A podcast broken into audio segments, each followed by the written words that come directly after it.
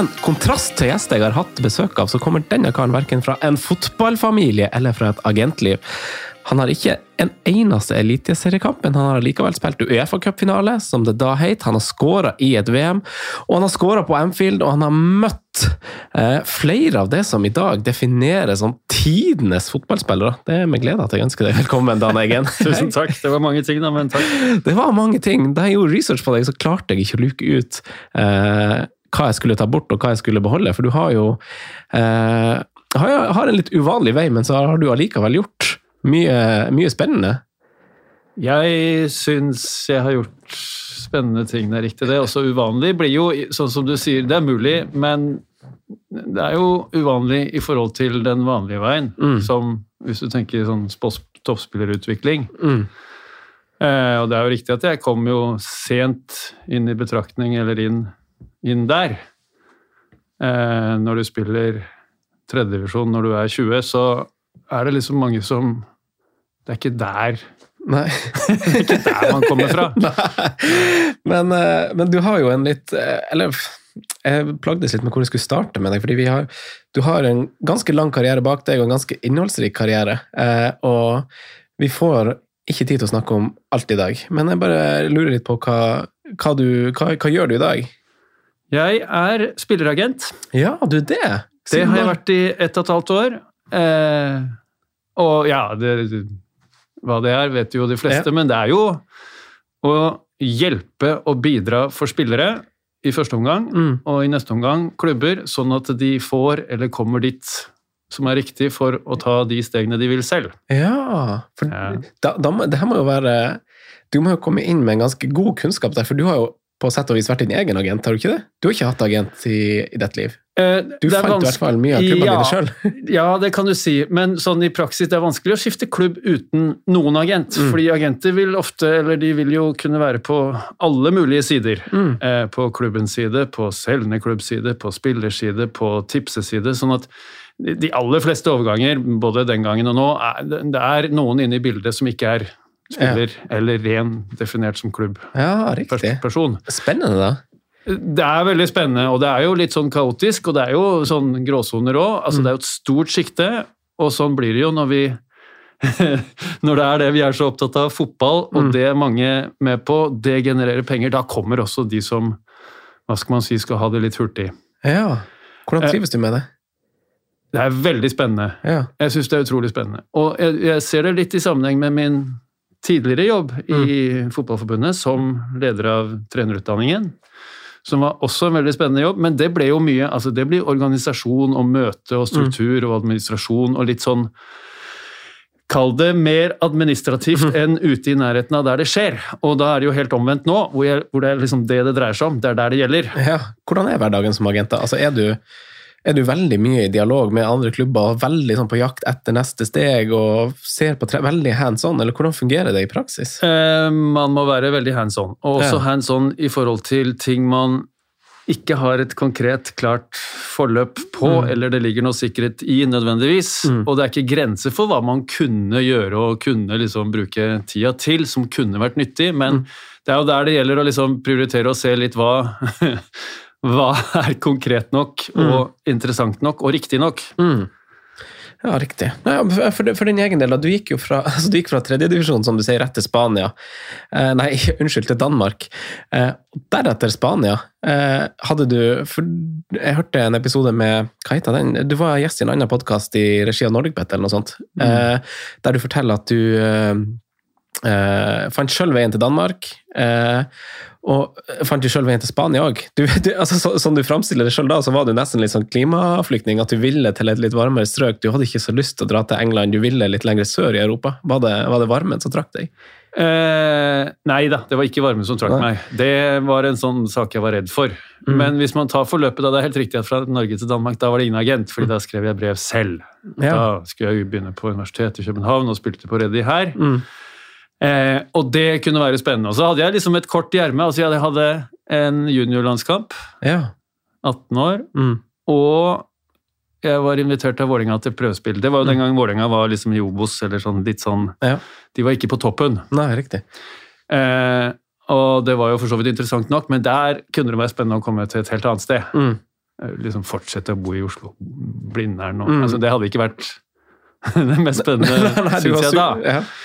Og da fikk jeg jo noen muligheter i København til å komme og trene og liksom se åssen det var, og om de syntes at liksom jeg kunne være der Mm. på noen vilkår. Og jeg hadde jo ikke en sånn at du skal liksom på førstelag, men jeg skrev jo til superligaklubber og nest beste nivåklubber. Mm. Og jeg endte jo da i Frem, som var i ettertid et flott valg. Mm. Liten klubb som hadde gjort det godt, og som eh, var godt miljø og Ja, flotte riktig. folk. Ja, det var akkurat virka jo eh, De gjestene jeg har tidligere, hadde en del yngre fotballspillere som fortsatt er aktive, som snakka veldig mye om riktig sted til riktig tid, tilfeldigheter som spiller inn for at eh, man skal bli den spilleren man har lyst til å bli. Da. Og det virker jo som valget dette av å gå til i gåseøyne, som du sier, Lille Frem, var veldig riktig for deg. Hva baserte du det valget på? Hvorfor ble det akkurat Altså det, den gangen så var det jo, ikke sant, jeg er 20 år, total magefølelse, men også at jo, jeg hadde jo opplevd noen ting. Jeg så jo litt hvordan det var de andre stedene, jeg så hvordan de tok meg imot. Og også, ikke sant, du kommer som ny, og så trener du litt. Jeg vet ikke om det var bra eller dårlig, men så ble jeg skadd. Men Ja. de var jo hyggelige og sånn likevel, og Mm. det er jo et sånt tegn som jeg fikk mulighet for å prøve ut. Eh, ikke sant? Fordi Mm. Du kan jo gjøre mye research, og dette er jo agentjobben, ikke sant? og liksom komme fram til riktige og mindre riktige alternativer Mm. osv., men du veit jo aldri Nei. når det står på spill. Plutselig det er da du får noen svar. Mm. Eh, sånn at du ethvert klubbskifte, eller for så vidt også når en klubb skifter trener, da vil det oppstå en ny Mm. risiko. Mm. Og du kan aldri eliminere den helt, men du kan liksom prøve å minimere den. Ja, nettopp. Eh, Men eh, vi skulle snakke litt om Spania i dag også, fordi du har jo du har vært i Vigo, eh, et litt ukjent område kanskje for altså da Celta. Eh, Et litt ukjent område, i hvert fall for oss nordmenn. Det er helt oppe i nord ved Portugal-grensa, ikke det? Jo, 30 km fra Portugal, ved sjøen. Så Mm. det er jo den lille firkanten som fins i Spania Ja, altså. over Portugal. Ja, riktig. Og du har jo helt rett, det, det var jo et fantastisk sted. Jeg kjente ikke sånn veldig godt, og jeg, det, jeg var ikke sånn at jeg håndplukka. De kom jo på et tidspunkt. De gjorde og, ja. og jeg ville jo gjerne til Spania, eller ikke til England, fordi der var alle de andre gutta. Det var litt sånn Mm. Ja. eh, ja, jeg, Det var i hvert fall noe i meg som syntes det hadde vært morsommere å prøve Mm. noe annet. Og så tror jeg også at Ja, sånn som nå, kanskje. Den gangen så var spansk fotball minst, minst like god som engelsk. Mm. Eh, at det var en sånn ja, utfordring. Hvor, som- eh, hvor lenge var du For du var i Alaves òg, det jo, blir jo fort vekk nærmere Baskeland. Men var, hvor lenge var du i Celta Vigo? Det er der du hadde ditt lengste opphold? Nei, jeg var i Celta i to år. I to år, ja. Ja. ja. Eh, og det var jo utrolig spennende og morsomt, Mm. og vi gjorde det jo ganske bra. Mm. Og så til tredjeåret så så det litt ut som at det ikke var meg de satset aller mest på, fordi vi hadde fått ny trener. Ja. Han hadde med argentinske midtstoppere, og det var en konkurranse som var fin, men litt sånn som det så ut, så tenkte jeg at det var lurere å så komme til neste klubb som Mm. også var spennende, og som var interessert i at jeg skulle komme dit, Alaves. Ja, for i Celta Vigo, det var jo da jeg var så på de troppen eh, på Google, jeg googla Celta Vigo-troppen da du var der, veldig sånn flerkulturelt eh, lag. Var, der var det spillere fra Russland, og det var deg, og det var spansk. Det var, var veld, må ha vært, vært en veldig sånn sp- spenstig miks. Enormt. Ja. Og du sa litt sånn om Vigo at det var et sted vi ikke kjente til. Vi kjente jo på det tidspunktet ikke sånn kjempe vi nordmenn, da, Mm. hvis man putter oss i samme Skal til Mallorca Kategori. Ja. Ja, eh, vi kjenner ikke eh, Vigo. Vi, kan, vi tror liksom Spania ligner litt sånn på Malaga eller Mallorca eller Gran Mm. Canaria. Vigo er jo veldig annerledes. Mm. Det er Atlanterhav, så det er friskt. Mm. Eh, og sjø og kyst og alt det der. Og sånn bare Min opplevelse var, av det var jo liksom Vi kom midt på sommeren fra med fly første gang jeg skulle Mm. ned og liksom skrive under. Eh, du kommer ikke sant, midt på sommeren, så ser du Madrid, og så er det helt rødt på jordene rundt. Ja. Sånn, sånn brent, Ja, og altså, 40 grader og ja.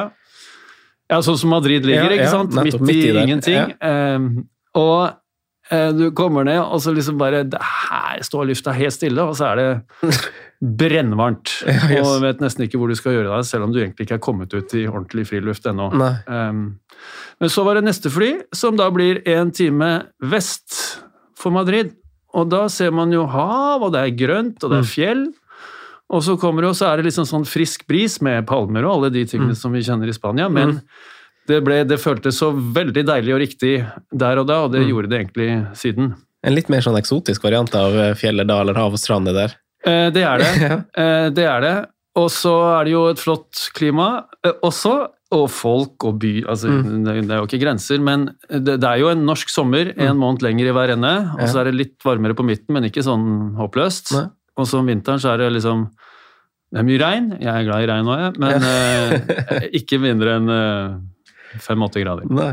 Mm. Men hvordan føler, du at det var For det her var jo på 90-tallet. Hvordan, var, eh, altså, hvordan var miljøet for fotballgruppen? Man får jo altså Nå når vi ser eh, spillere som eh, har lagt opp og som var aktive på 90-tallet, sånn, så ser man en del sånn skyggesider fra eh, at og Man får bli fortalt liksom, ja, på 90-tallet så var det greit å drive med det ene og det andre. Hvordan føler du at det var da? Var det en veldig sånn profesjonell ramme, eller, ramme rundt det hele, eller var det en mer litt sånn avslappa tilnærming til eh, det å spille profesjonelt i, i Spania? Nei, altså Hvert år som går, så blir toppfotball og profesjonell fotball mer profesjonell, mer spissa. Det er flere ting som blir viktig. Mm. Eh, Så det er jo ikke noe tvil om det at for hver tidsperiode vi tenker eh, bakover, så liksom har det vært liksom flere huller, eller hvis man skal kalle noe 100 gjennomprofesjonalisert. Mm.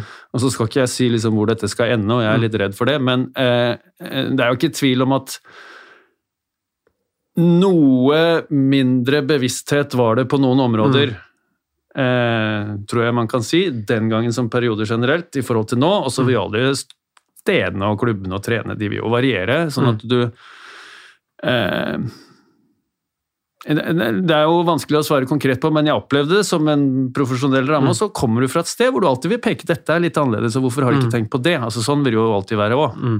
Ja, nettopp. Men, men stort sett, jo, profesjonelt på alle de tingene som var viktige. Det øh, oppfattet jeg. Ja, ja, det er jo helt tipp topp. Ja. Så, så da var du der i to sesonger, og så var det Er Alaves en del av Baskeland? Tilhører det liksom samme som Alaves Bilbao og San i Det er en by, nemlig, det er en by Vitoria. Ja. Eh, eller Alaves er klubben i byen Vitoria, og Vitoria er hovedstaden i Baskeland. Så det er der det er parlament det er og alle, alle, Ah. administrasjon. Ja. ja. Hvordan var det? Hvordan var Baskeland da? Var det sånn, vil det løsrive seg veldig fra Spania på det tidspunktet? Ja, altså I den perioden så var det jo ekstremt hot, eller aktuelt, det temaet der. Mm. Ja. Og de vil jo det nå, selv om jeg har inntrykk av at nå liksom har det lagt seg litt. Mm. Men det var jo rett etter. altså Det, det er jo en liste med attentat og hendelser som liksom har skapt og forsterket den konflikten der. Og Vitoria som hovedstad var midt i det med demonstrasjoner og ja, for så vidt attentat òg. Det var ikke så mange under min tid, men eh, det, det gjorde inntrykk og satte sitt preg. Mm. Ja. Hvordan, var, hvordan var fotballen i Alaves, da? Hvordan var, hvordan var det å være der sammenligna med i Celta? Eh, For det første, Celta, det synes jeg egentlig var Du, du nevnte litt sånn med flerkulturelt. Det var jo veldig mange dyktige spillere fra forskjellige steder. Mm. Eh, og vi framsto litt som at vi satset på å liksom ta kontroll og spille folk ut, Mm. og vi gjorde det også på hjemmebane. Vi slo, vi kunne vinne over alle der, Mm. og så var det litt mer variabelt borte, mildt sagt. Mm. Men en, alt det som vi forbinder med liksom offensiv, positiv, eh, sjanseskapende, eh, det var vi. Ja. Um, og så kom jeg til Alaves, og det ga meg noe litt mer i retning av sånn som jeg var vant til fra Norge, eller litt struktur, og litt mer sånn jobb og eh, ja, bevisst defensiv tenking Mm. og system. Mm. Eh, Passa det deg bedre? Nei, ikke spesielt, vil jeg si, men det var jo ålreit, fordi Mm. det var litt sånn kjent Mm. eh, i forhold til hvis jeg hadde vært i Celta for alltid. Da. Mhm. Det er jo det som er fordelen med å ha vært Eller det er jo det som er erfaring. Ja, ikke sant? Um, men da blir du også litt gråere, og litt sånn du spiller mer på andres feil enn at du skal ut og liksom konstruere alt selv. Um, så det er jo liksom to forskjellige tilnærminger Mm. som som, som har bakgrunn i ja, hvordan Mm. tenker klubben og treneren at vi best skal gå ut Mm. og vinne på lørdag og neste. Var de to lagene omtrent eh, like gode på det tidspunktet? Alaves Eh, og, og Celta? Celta er jo en større klubb. Mm. De vil mer, de satser mer. Mm. Eh, Med russere og fullt kjør der? ja, Hadde noen fargeklatter der? Ja, mange, Mm. mange. Og så var jeg jo heldig. Eh, Altså, jeg kom på et tidspunkt der de hadde gjort det dårlig. Det vil jo alltid være en fordel, og det er også sånn agenttenking med at en klubb som hadde underprestert, som holdt på å rykke ned året før jeg kom, Ja. de redda seg i siste kamp. Da spilte de mot Real Madrid, som allerede var seriemester, og da vant de den. Da holdt de seg. Mhm. Og så ble vi jo nummer fem og nummer fire og kom i Uefa-cup og alt sånt, så det var jo et eventyr sånn sett også. Da jeg kom til Alaves, så var de litt i samme situasjon, eller de var ganske nyopprykka, sånn var det. Og så Jo, på et vis også der. Ny giv og spillere inn, og så stemte det også fint, sånn at vi kom jo også på sjette- og femteplass og Mm. Så det var jo et eventyr i timing. ja. Hvor lenge var du i Spania når man eh, teller tell opp totalt der, før du dro til eh, Frankrike? Jeg var to år i Vigo og fire år i, i Vitoria. Ja. Mm. Er det, er det eh, er det et slags høydepunkt for karrieren din akkurat de årene der, eller ser du på det er, jo, det er jo ulike faser på hvordan, ulike måter å se på hva som er et høydepunkt, men eh, for det, det, du, det du gjorde med å dra til Danmark, er jo et slags høydepunkt, for du fikk veldig mye ut av det. Eh, Du fikk veldig mye ut av det, av det spanske, og så Frankrike, men sånn eh, Hva husker du mest? Ser tilbake på som at det her var ei en fin tid, nå koser jeg meg. Nå spilte jeg altså, jeg sånn, på mitt Til å begynner begynne med, jeg har vært heldig. mm. fordi liksom, man kan si sånn eh, Hvilket eh, høydepunkt og hvor var det Det syns jeg ikke er så lett å si, fordi det var Jeg oppfatta det litt som en ny, flott opplevelse hver gang. Om det så var Reddy på A-laget, Mm. eller eh, kretsmesterskap med Lyn som tolvåring, eller eh, Frem, Mm. eh, underdog, som eh, gjør det flott, eller Mm. Brønnby og vinner mesterskap, eller Celta osv. Og så er det ikke noe tvil om at sånn sportslig høydepunkt eller på det høyeste nivået, det var i Spania. Det var de årene der. Mm. Eh, Men samtidig så hadde du noen veldig gode sportslige resultat med Brønnby, da. Ja, Ja. Så det var, da, det var da du var ute på Anfield, var det ikke det? Brøndby var ekstremt morsomt på den måten at jo, vi hadde jo en stigende kurve. Vi var første året nummer tre, andre nummer to, og så vant vi de to neste. Og hvert år spilte vi Europacup, Mm. og hadde liksom en eh, Hva er det man pleier å si? Sånn det lå i veggene, eller det var liksom vanlig at vi Ja. gjorde det bra i Europa. Vi kunne spille fint mot lag som egentlig var bedre, eller rangert høyere, og der hadde vi en sjanse. Det er jo en flott egenskap, og en flott hva skal man si, kall det selvtillit å ha. Mm. Og den lå så til de grader der, sånn at vi gjorde det jo ganske bra, vil jeg si, hvert år. Mm. Og blant annet Liverpool, eller tyske lag, eller Mm. sånn hvor det var, kall det skalper, eller eh, Ja, ja. gode enkeltopplevelser. Og når de liksom kommer jevnlig, og det tror vi på, og det skjer. Ja, ja. Det, det, er jo en tilfredsstillelse. Ja, det kan jeg godt forstå. Eh, vi skal eh, straks videre i programmet, for vi skal jo, eh, vi skal jo Det jeg har gleda meg til å snakke med deg om, er jo VM i, i 98. Eh, og så får vi se om, om jeg har for masse spørsmål til deg og for masse, for masse å høre på til at vi, til at vi kommer oss til, til ukens profil. Men det er i hvert fall programmet for i dag, og gleder meg til å gå videre. Skal vi se VM 1998. Eh, Jeg hadde besøk av Alexander Skau her for, eh, for et par uker siden, blir det når denne episoden eh, kommer. Og da uttrykte vi at eller da fant vi ut at dette var mitt favoritt-VM, og da var han kjapp å si at det er sikkert det første du husker, eh, Franco. Eh, og det stemmer jo på mange måter, det var i 1998, og for meg så skjedde det mye da. Jeg er jo fra Nord-Norge, det var massivt snøfall i Troms, jeg fikk Nintendo 64 med World Cup 98, du var på det laget. Eh, vi hadde, det var et jubileumsår for meg, jeg fylte ti. Uh, vi hadde ja, besøk fra familie i Sri Lanka, Australia og you name it. Og så ikke minst så får vi det her VM-et i, i 1998 i garasjen til naboen. Og du spilte samtlige kamper i, i det VM-et, Dan. Hvordan, hvordan var det å, å, å reise som, som norsk tropp til, til Frankrike?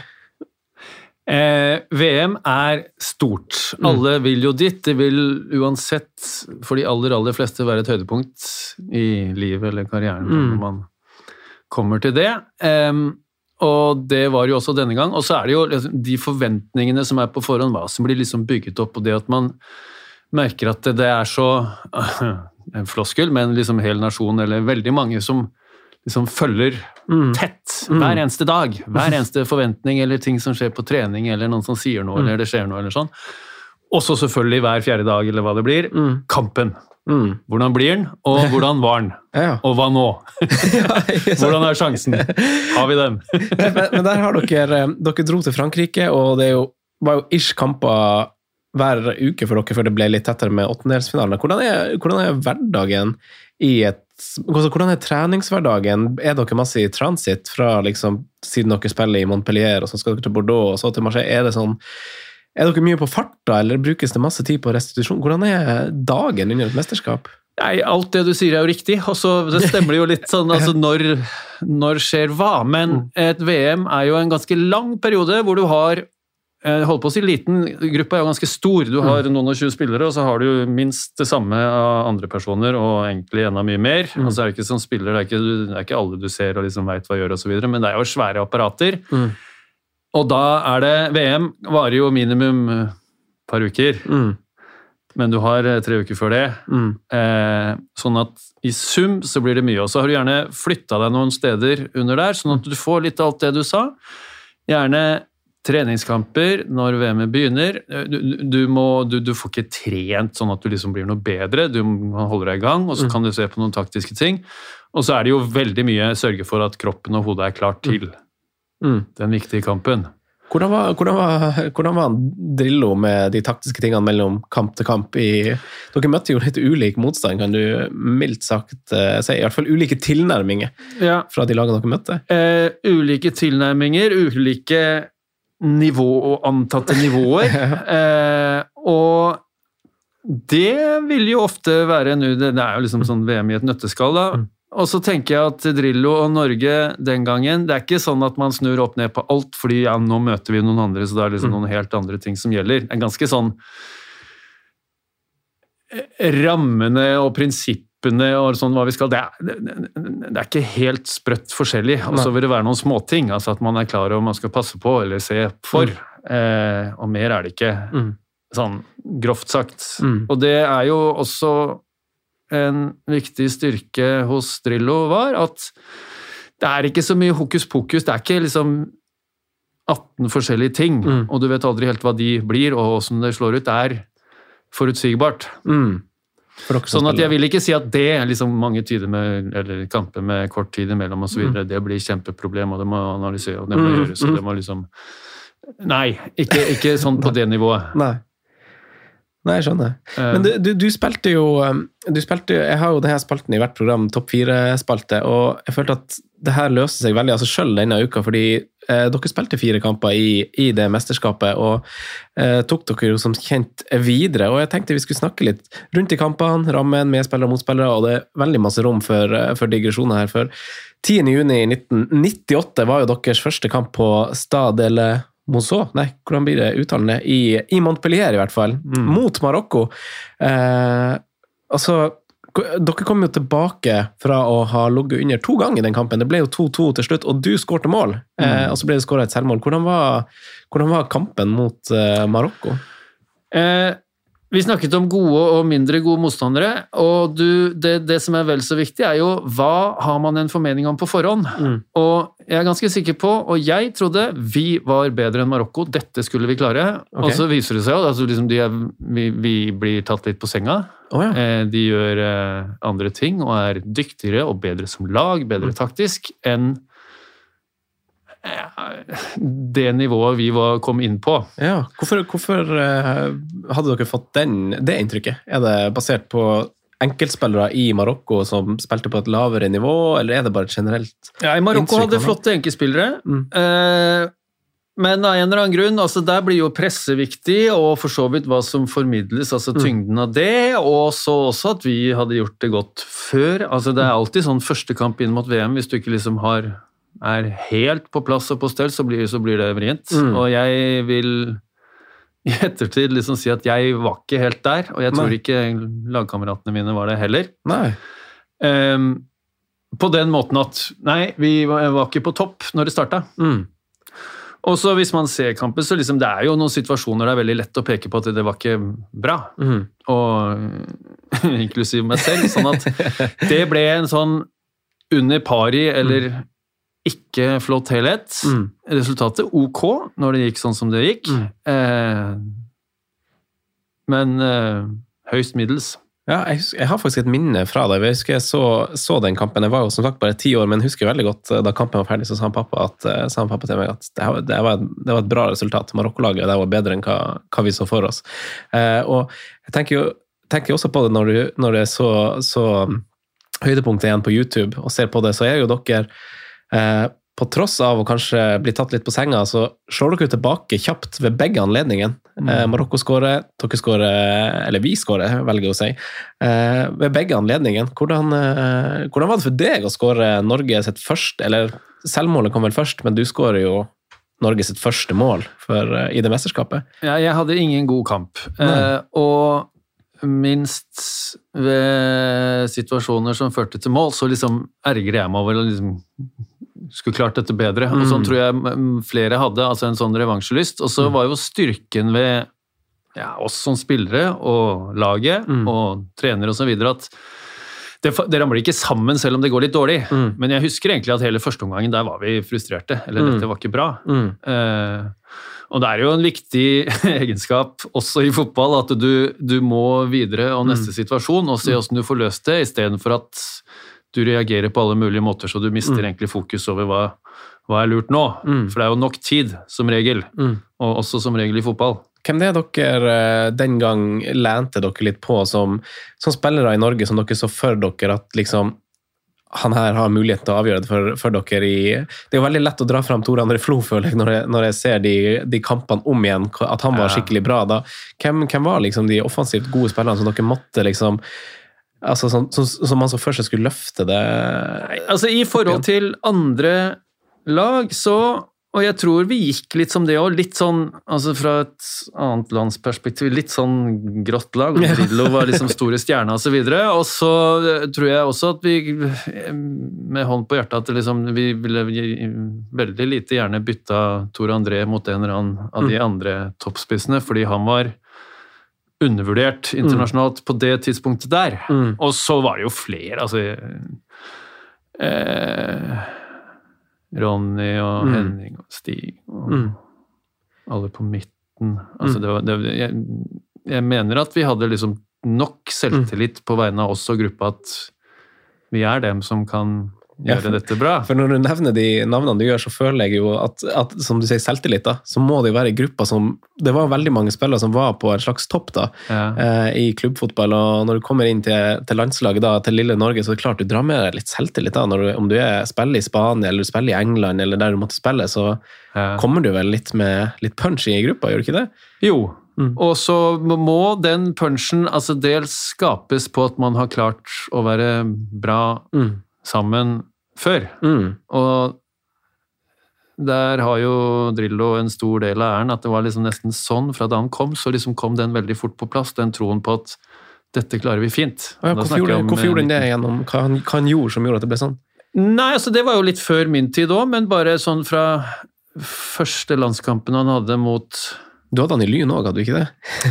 Men, men det hadde ikke jeg Drillo, men det er jo riktig. Drillo var trener i Lyn på 86-7-tallet, mm. og da var jeg guttespiller og juniorspiller, mm. så jeg liksom så dem jo når de trente, men jeg hadde ikke han annet enn kanskje en U-kamp innimellom. Mm.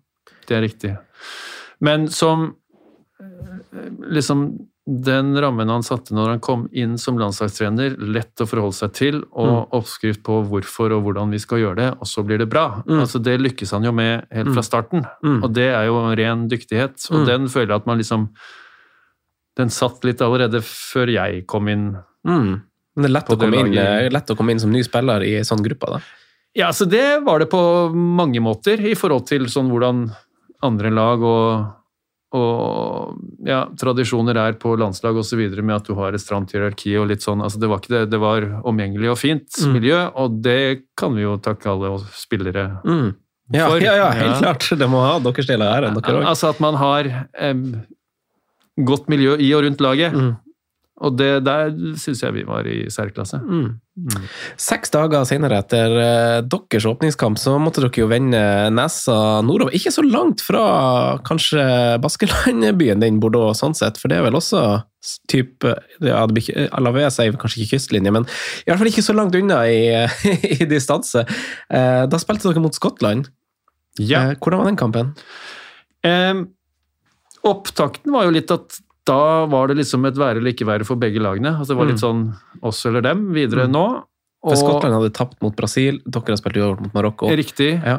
Eh, og jeg syns jo kampen blei litt deretter. Altså at litt sånn For redd for å tape, Mhm. slipper seg ikke helt løs, og så er vi heldige som scorer først, ved Håvard Flo. Mm. Eh, og så får du litt sånn det omvendte, da, litt sånn urutt. Mhm. Hvordan, liksom, hvordan gjør du når du har tatt ledelsen og egentlig veldig gjerne vil vinne denne kampen, og det er tid igjen? Ja. Eh, blir du litt forsiktig, eller er du liksom hissig og i hundre fra da også?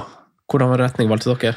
Altså, det er noe med hva man har lyst til å velge, og det er noe med hvor, hva man faktisk gjør. Åssen blir det? Ja. Og jeg oppfatter også den kampen som en sånn under pari av forskjellige grunner. Mm. Eh, ikke topp, men heller ikke sånn eh, elendig dårlig, da. Men Snakker du på vegne av deg eller, eller laget? Så- Begge deler. Ja, ja. begge deler.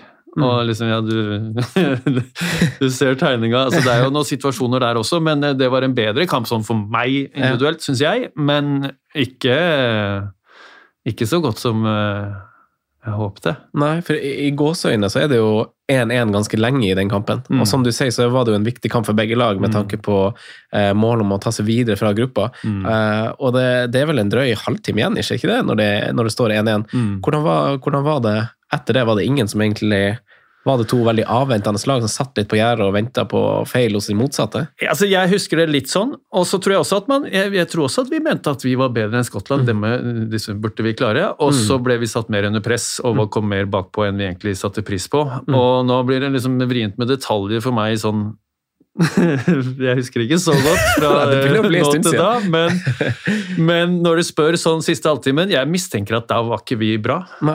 Eh, Men trives du godt, da? Trives du godt som en som skal stå og stange unna lange baller fra Paul Lambert og Ja, det er egentlig ikke det verste. Altså, det spørs jo litt hva slags spiller du er, men, og man har jo forskjellige oppgaver og roller ut fra liksom hvor man er på banen og hvem man er. Men Mm. akkurat det er jo ikke det verste for meg som min type, som den jeg var. Altså, Mm. det, det er jo for så vidt altså, en viktig del av min jobb Mm. å kunne klare det. Og når du blir satt mye på de prøvene, så ok.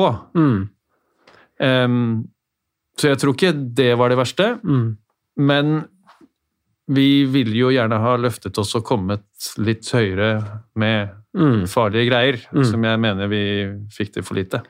Ja, så Den kampen ender jo også 1-1, så etter de to første rundene så står Brasil med seks. Eh, Norge står med to, og så har du Marokko og Skottland står med, står med ett hver. Og det er jo før, eh, før vi skal til Stad Velodrom og møte Brasil i, i Marseille. Så, så ser jo selv at det er en viktig kamp for vinneren av eh, av Skottland eller Marokko vil jo eventuelt ta seg forbi Norge ved, ved tap eller uavgjort. Så Norge, dere går vel kanskje inn til den kampen eh, med en tanke om at her må vi vinne hvis vi skal ta oss videre? Mm. Eh, det er riktig, Mm. og man kan liksom regne ut og se teoretisk. Eh, og så, sånn som du sa, den andre kampen, ja, men man må liksom håpe og tro på Mhm, noe ja. der også. Sånn at den er litt søkt, og liksom Sånn skal det skje. Mm. Jeg, jeg, sånn som jeg oppfatta det, så var liksom det å møte Brasil i seg selv, det er liksom nok. Ja. Og at ok. At det er stort nok, liksom, som, Ja, som et og- mesterskapsminne. Og jeg tror ikke at vi hadde helt sånn Nå skal vi slå Brasil med så og så mange mål, eller høre på den andre kampen, fordi at, og da skal vi videre. Nei, vi ble, ut. ble de spilt også. samtidig? de Ja, ja, det ble helt samtidig. Altså sånn, som, sånn at det blir Siste fair. Em, sånn at uh, Vi skulle bare ut og spille en ordentlig god kamp så Mm. godt vi kunne. Eh, jeg mener bestemt at det var liksom intensjonen og målet. Mm. Eh, regnestykkene og vi skal videre, og i åttendel så skal vi møte osv. Ikke fokus. Nei. Nei. Det er, jo, det er jo den kampen alle snakker om når vi snakker om VM 98, kvelden i Marseille. Dere møter Dunga, Rivaldo, De Nilsson, Bebeto, Roberto Carlo, Ja. Scafu og ikke minst eh, ydmyke kallenavnet Fenomenet i, i Ronaldo. Hvordan var det å som stopper møte eh, de angrepsspillerne der? Nei, det er jo stort. Og altså, alt ved Brasil den gangen og før Du snakket om sånn første VM osv. Så videre, Mm. altså, det, det er jo dem man har sett opp Mm. til veldig.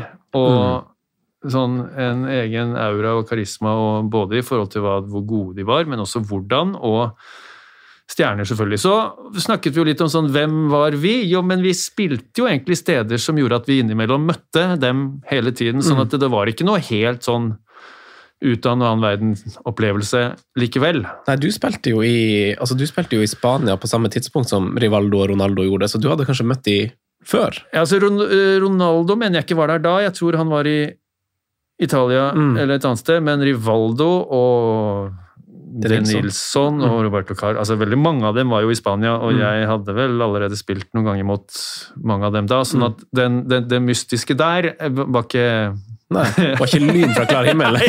Nei. Nei, det var litt overvunnet, da. Ja. Ja. Men uh, uansett, gøy å spille mot uh, sånne stjerner, eller skummelt?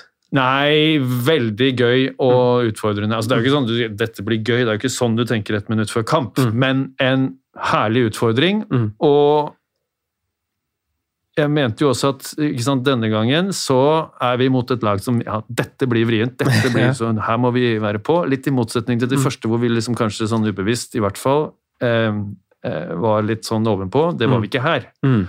Men det gir jo også en sånn tilfredsstillelse i at ja, men da vet du hva du har av utgangspunkt, og da Mm. er det liksom dette som er utfordringen, Mm. og sånn tydeligheten og hva vi skulle og sånn. Det var jo greit nok, så det er ikke eh, det er ikke egentlig verst å ha det utgangspunktet som vi hadde til den kampen der. Nei.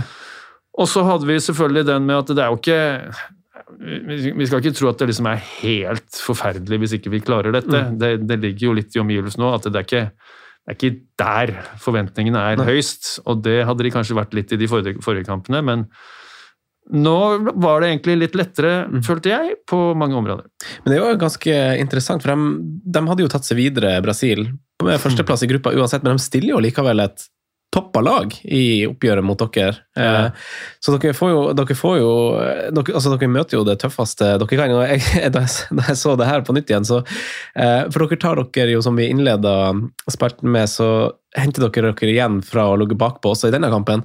Eh, den skåringa er jo litt morsom, for du spiller jo en rolle i det. fordi Der tar jo, der tar jo dommeren i bruk fordelsparagrafen ganske greit, for du eh, sparker jo ned Nilsson på, på rundt 20 meter der. Dommeren lar spillet gå, eh, og så kommer innlegget, og så, og så header Bebeto i mål. Hvordan, hvordan er det å gå under eh, mot Brasil, og dere må komme tilbake? Det var ille, eh, selvfølgelig, fordi vi hadde jo etter hvert, egentlig syns jeg fra starten, sånn ganske god feeling på at vi, vi klarte dette her i stor grad. Mm. Eh, å holde dem, i hvert fall. Mm. Eh, å være med. Og i en kamp, så lenge det er 0-0, eller for så vidt også bare 0-1, så er det liksom alle muligheter til stede.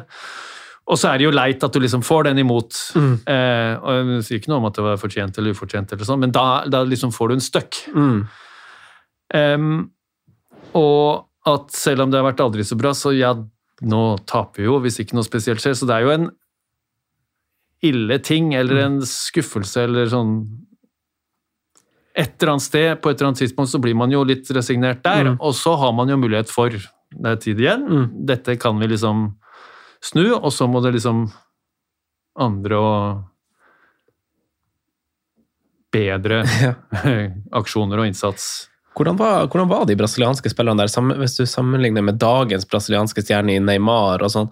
Man har, ser, jo, ser jo tilbake på det som at det var, eh, selv om de er store stjerner, litt mer sånn ydmyke typer, men altså, de har jo en viss snev av arroganse, det vil man jo få uansett når man er de man er, men hvordan, hvordan ser du, altså var de, hvordan var de som personer? Fikk du noe, noe inntrykk av det? Nei, egentlig ikke sånn spesielt der og da. Eh, annet enn at det er jo kjempestjerner uansett Mm. hvor de går og er, og ikke minst når de spiller sammen på det laget der. Mm. Og så er det jo en kvalitet ved et lag at du må ha en ydmykhet også, og den Mm. mener jeg de liksom, eller for alt jeg vet, at den hadde de i noen grad, og helt sikkert varierende. Altså Det er jo forskjell på spillere der òg, Mm. og eksempel kaptein sånn som Dunga. Eh, jeg kjenner ikke han, og har ikke møtt han før eller siden, men under kampen så syns jeg liksom eh, og, og grunnen til at jeg sier det altså Jeg fikk et eh, godt jordnært inntrykk av han, fordi at når Kjetil skårte på straffe, så sto jeg i nærheten av han, ganske langt tilbake på banen. Mm. Eh, og så utligna jo Eller eh, da, da 2-1-skåringen var det. Mm. Og så ble han sånn fryktelig lei seg fra å liksom ligge 1-1 til Mm. å gå mot 1-2 mot oss.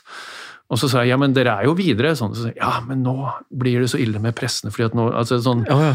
Helt jordnært og fint, og veldig skuffet og profesjonell, men ikke noe Det var ikke noe tull. Nei, ikke sant. Eh, og du kan diskutere hvor mye det sier om han som type eller hyggelig eller hva som helst, men det, det var ikke noe dårlig inntrykk sånn i forhold til å være en Drittsekk. Nemlig. det, det var det jeg ville fram til.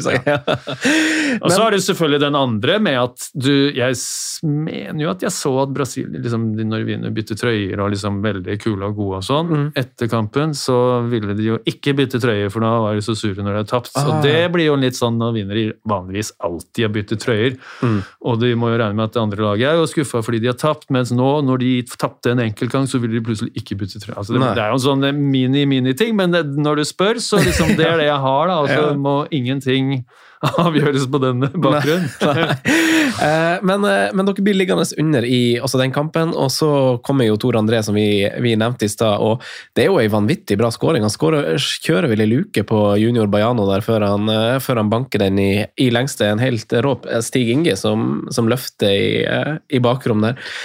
Er det ikke det? Ja, så det er jo noen få veldig gode aksjoner fra våre spillere. Mm. Eh, ikke sånn at hele laget altså Min innsats var ikke avgjørende for at ja, nå snudde vi 0-1 til 2-1. Altså, mm. sånn, men, men det er jo noen nøkkelpersoner og aksjoner som er viktige, og det er jo Tore André liksom desidert mest aktuell eller mm. sentral i alle tingene, og sannsynligvis helt avgjørende for at Mm. vi klarte dette. Mhm. Men ikke sant, du har pasning fra Stig, og så mottak, og så Mm. scoring. Liksom fantastisk aksjon. Mm. Og så selvfølgelig straffen. Det er jo også Er det en billig straffe? Nei, det er jo ikke det. Nei? Eh, Du sier det kanskje i lys av sånn som det er i dag, at det må være sånn Ja, røff ja, ja, kontakt og sånn. Jeg, jeg er jo veldig uenig i veldig mye av det der, fordi at du Du kan lage frispark lite grann, eller du kan felle noen lite grann. Det der er et dårlig utgangspunkt for å være god i bedømmelsen av skal du få lov til dette eller ikke. 100 enig. Eh, og altså, du kan holde mye i trøya eller lite, Mm. eller hva det er, men du vil jo liksom rykke fyren ut av Mm. enhver balanse som liksom eh, eliminerer hans mulighet for å gjøre det man skal i fotball. Eh, sånn at Vi må tilbake til det der, for det er jo en forseelse, uansett hvordan du vender og vrir på det. Jeg føler, føler litt i ja, dag, så han blir jo påvirket sånn til de grader Ja, ja, i det han holder på Ja. å gjøre, og til og med med vilje, sånn at hvis ikke man skal liksom sanksjonere det, så vet jeg søren ikke. Nei, og, men det sagt, så er det jo også situasjoner der jeg liksom lurer på er, hvor er vi er på vei, når jeg ser fotball sånn til vanlig, ja. og hvordan det kommenteres. Um, men uh, utvilsomt straffe Mm. når man ser det. Og Mm. det hadde vi en flott dommer som gjorde, og Mm. ett kamera ut av 500, eller Ja, nettopp. Ja. nettopp. Ehm, så det er jeg jo glad for. Og så, så må jo eh, Reka ha honnør for å score på en sånn. Eh, Straffe er jo ofte mål, og så liksom ble det litt sånn ekstra omstendigheter der. sånn at Men det er jo Liksom- ei vanvittig ramme. Det er Ja. skåres i det 86. minutt, eller, eller noe Ja. sånt, og man må, man må sette det straffesparket. ja. Eh, var, var han en fyr som hadde lave skuldre og nerver av stål, eller det du ville kalle det, og veldig sånn Ja, det var veldig klar si. det, for å ta det mitt inntrykk er det, at det liksom eh, Det var greit. Nemlig. Og det er jo liksom evne til en fokus Mm. og en gi faen-holdning som må til. Ja, ja. Og den har jo Reka og hadde den gangen. ja. Og på riktig sted og plass, svært viktig egenskap. Mm, ja ikke sant? Ikke? Spiller og trener. Og så er det jo, ikke sant, altså De situasjonene ble jo generert av en endring på hvordan skulle vi gjøre dette, dette fra nå. Mm. Jostein Flo kom inn, og det er liksom flere som var med å liksom bygge opp det trøkket, sånn at det skjedde noe Mm, mer mm. I feltet til Brasil, og systematisk nå de siste 15 minuttene eller enn det vi hadde klart før. Sånn Mm. at det er jo veldig mange som bidrar bra i Mm. det. Da, da skal vi videre til den kampen jeg kanskje føler snakkes ganske lite om. Eh, fordi det er jo veldig fokus på Brasil, med rette, så misforstå meg rett. Men eh, dere møter jo også Italia. Møter jo, det er også i Marseille. Og fra å møte sambagutter, så møter dere jålebukker og vindrikkere fra, fra Italia med, med vi... Hvorfor du, hva er det du flirer av? Eh, karakteristikken din Ja. Fordi Det er mulig de drikker litt mer vin og jålebukker og sånn i Italia enn i Norge, men eh, det er jo også flotte folk og spillere, sånn at Ja. eh, Ikke- Og jordnære og fine Ja, hadde du det inntrykket? Nei, egentlig ikke akkurat der, men fra før så liksom har jeg ikke noe liksom erfaring som tilsier at nå kommer vi til å være helt sånn eh, utspjåka individer. Nei, nei. Men det er jo et helt rått lag dere møter i dag. Altså, det er jo Vieri, Del Piero, Maldini, Canavaro og Buffon satt på benken. Han var jo da 20, han er jo fortsatt aktiv. Sikkert eneste fotballspiller fra 98 som fortsatt er det. Eh, men eh, Eh, Vieri skårer jo det eneste skåringa i, i, kampen, og det er en slags løpe, løpeduell med deg. Eh, og Han trenger jo ikke veldig mye tid inn i 16-meteren for å prikke en ball i hjørnet. Han, mm. hvordan, hvordan, opplevde du den settingen der?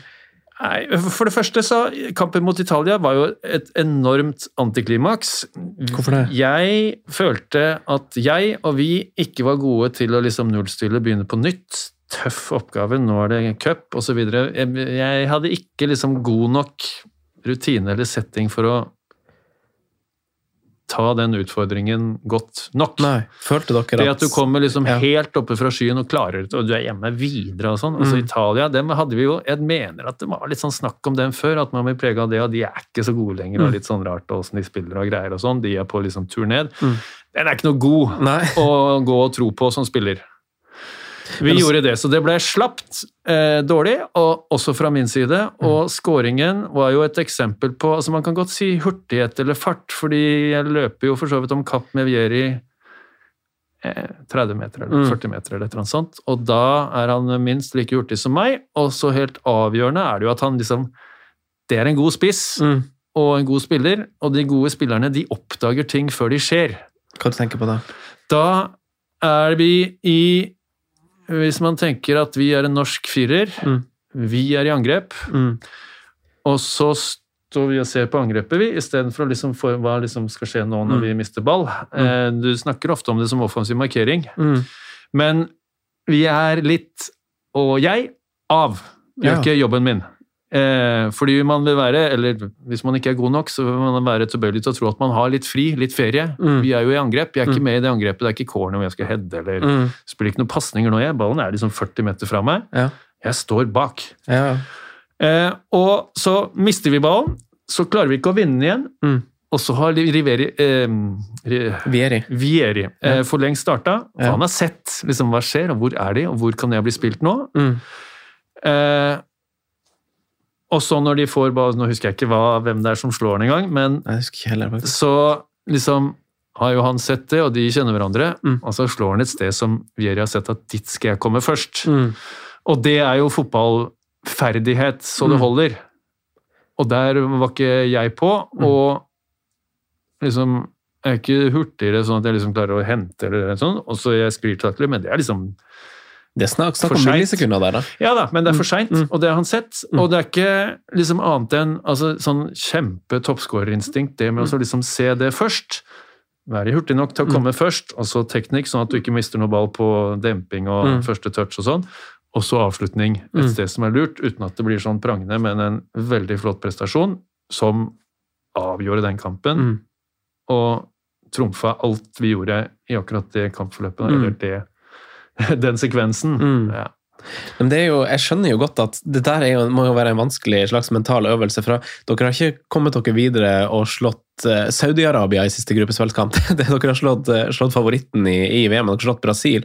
Det sier seg på en måte sjøl at dere må jo være i en slags sånn lykkerus. Og så er det ikke mange dager til å til å nullstille og skru ned igjen og motivere seg for å og Man må, må også huske at dere er ikke liksom gamle gutter. Dere har ikke fryktelig masse erfaring på baken av sånne mesterskap og, og store settinger. Det, det, er en vanskelig øvelse. Eh, det er det nok, og det var det i hvert fall for oss.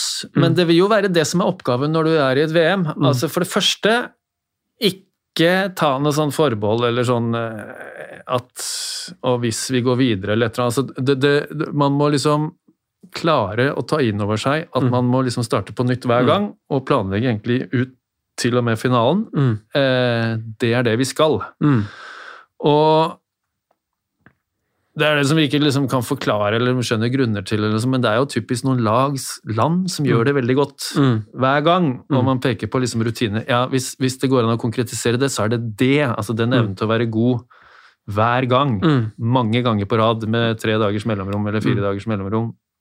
Og den, akkurat den erfaringen hadde jo ikke vi, fordi det var ikke første gang, men andre, mm. eh, og det var det. Eh, mens de gode nasjonene, små eller store, de er liksom vant til det der å liksom ja. komme litt videre i det cupspillet, så det er liksom Det er en kjent setting. Mm. Hvordan var det å spille spiss mot uh, Vieri? Sammen, altså, det er et tynt grunnlag, da, men sammenligna med Ronaldo Det er jo for, forskjellige typer, men det er jo store stjerner. Det er forskjellige typer og veldig dyktige spillere, og så er de litt forskjellige. Og Ronaldo hadde jeg ikke spilt mot før, men Vieri spilte jeg jo mot før og etter noen ganger Mm. eh, i Spania også. Eh, men Ronaldo er jo eh, et fyrverkeri, en artist, Mm. og er interessert i og god og involveres i alle mulige typer aksjoner. Mm. Og behersker dem. Mm. Eh, vi er jo mye mer begrensa i forhold til hva han gjør, og gir egentlig blaffen i sånn å være involvert eller mye greier, men akkurat den detaljen vi snakker om i forhold til den skåringen mot oss, og lignende der hvor det lukter noe, Mm. og perfeksjonisme i alt av avslutninger og kvalitet når det Mm. kommer inn. Høres ut som du beskriver en viss landsmann hos oss nå. Hva? Det høres ut som du beskriver en land, felles landsmann for oss nå. Ja, men det, jeg tenker jo at det han har lært av Mm, Vieri mm. og sånne typer der Mm. Og det er jo altså sånn spesialistbegrepet på sitt ypperste, Mm. sånn som Christian Vieri var den gangen, og Mm. som spiller, og mot oss, og sånn som jeg Mm. opplevde han de gangene jeg møtte han. Mm. Da var det takk og farvel eh, på, på samme stadion som dere slo ut eh, Brasil. Tappte, ble det tap mot uh, Italia, men stemninga var kanskje fortsatt god når, når man runda av et VM? Uh, Jeg husker at jeg var veldig sliten. Altså, Ja. ikke, du kan, du var en dårlig kamp, ikke Mm. høyt tempo eller noe, Mm. midt på dagen. Eh, og liksom helt utmatta. Eh, men det gjør du jo Du blir jo mer sånn på dårlige kamper og der det ikke stemmer, og der du liksom må jage noe og ikke får det til, Mm. enn når liksom alt sitter og klakk, klakk og høyt tempo og Mm. wow. Ja, det, det er ikke så utmattende det som når du er ikke bra. Nei. det må være lov å si. Og du til og med liksom får sånn, nei, dårlig innsats. Nei, innsatsen er helt på topp, men det er noe som ikke stemmer med bevisst eller konsentrasjonen eller inngangen eller ja. Mm. Eh, eh, før vi avslutter med, med siste spalten for dagen, vi får se om vi rekker det. Vi skal snart røre innom det, i hvert fall, eh, Dan. Så vil jeg bare påminne og sende inn spørsmål og tips. Jeg fikk jo tips av deg også til en venn. på av en venn da. Ta kontakt, Dan. Han har sikkert noen kule historier på både Instagram og Twitter. Så eh, takker for det, og vi går videre i programmet, og så skal vi avslutte etter hvert. Ukens profil, som er spalten i, i dag, den er en lagkamerat uh, av deg, i hvert fall i uh, en liten periode. Claude Makelele ble jo veldig veldig kjent, i hvert fall uh, i perioden etter, etter du var lagkamerat med han. Hva, hva, hvordan minne har du rundt han? Nei, veldig hyggelig og gøy. Altså, det var jo en spiller som kom etter at jeg hadde vært i Celta et år, så kom han fra Marseille. Da hadde han ikke lykkes, var jo ung, men ikke sånn purung heller. Ehm, men hadde ikke fått til, og hadde ikke noe tillit, så han kom til Celta. Mm. Og det er, jo, det er jo sånn veldig dyktig sportsapparat, eh, i det tilfellet også flere, tenker jeg, i Celta, at de liksom klarer å forstå og handle i forhold til at her er det en som har noen ting som passer strålende her. Og det Mm. gjorde Claude Makelele så til de grader. Som den sittende aleine, eller én av to, eller han spilte jo forholdsvis indreløp noen ganger òg, men på det? midten hos oss, ja. Ja. Og han var mer fram og sånn i avslutning og assist Mm. noen ganger, før han liksom fikk satt seg som den sekseren eller sånn Men det er jo noen som ser på han som en slags eh, Det kan kanskje du svare litt bedre på, men det er noen som ser på han som en slags sånn eh, altså Bildet på den moderne defensive midtbanespilleren den gang og i en periode framover. Han var ikke så lenge i Celta, eh, ble en stor suksess i Madrid, eh, gikk til Chelsea, og han var jo en defensiv midtbane som kanskje, nå må du rette på meg hvis jeg tar feil, men som utlyste litt mer ro og forståelse heller enn den der aggressive takletype midtbanespilleren. Ja, jeg tenker at du har helt rett i alt det du sier. Og sånn i min oppfatning så var det egentlig Claude som liksom definerte eller gjorde den rollen sånn som vi liksom higer etter, og at det er en helt naturlig ting på et godt lag i dag. Og så er det helt riktig også sånn som du sa, at han det var jo ikke noe råskinn som skulle liksom takle alle i knehøyde og liksom sette seg gjennom for å beskytte området sitt. Det var jo en veldig elegant Mm. spiller, og med alle de fysiske tingene som liksom skal til for å beherske det der. Altså at jo, han kunne for så vidt det ut på langløp også, men det at du liksom er til stede tidsnok alle de stedene som trengs for å være der og beskytte og komme først og vinne og beholde ballen i laget ditt. Mm. Altså, jeg husker han er jo, Han var ikke høy, jeg har ikke noe centimeter osv., og, så og muskuløs. Mhm. Og så hadde vi noe sånn, opp, sånn test der, ikke sant. Men han hadde en puls på 36 eller et eller annet sånt. og det, er en hvilepuls. Og det, Ja.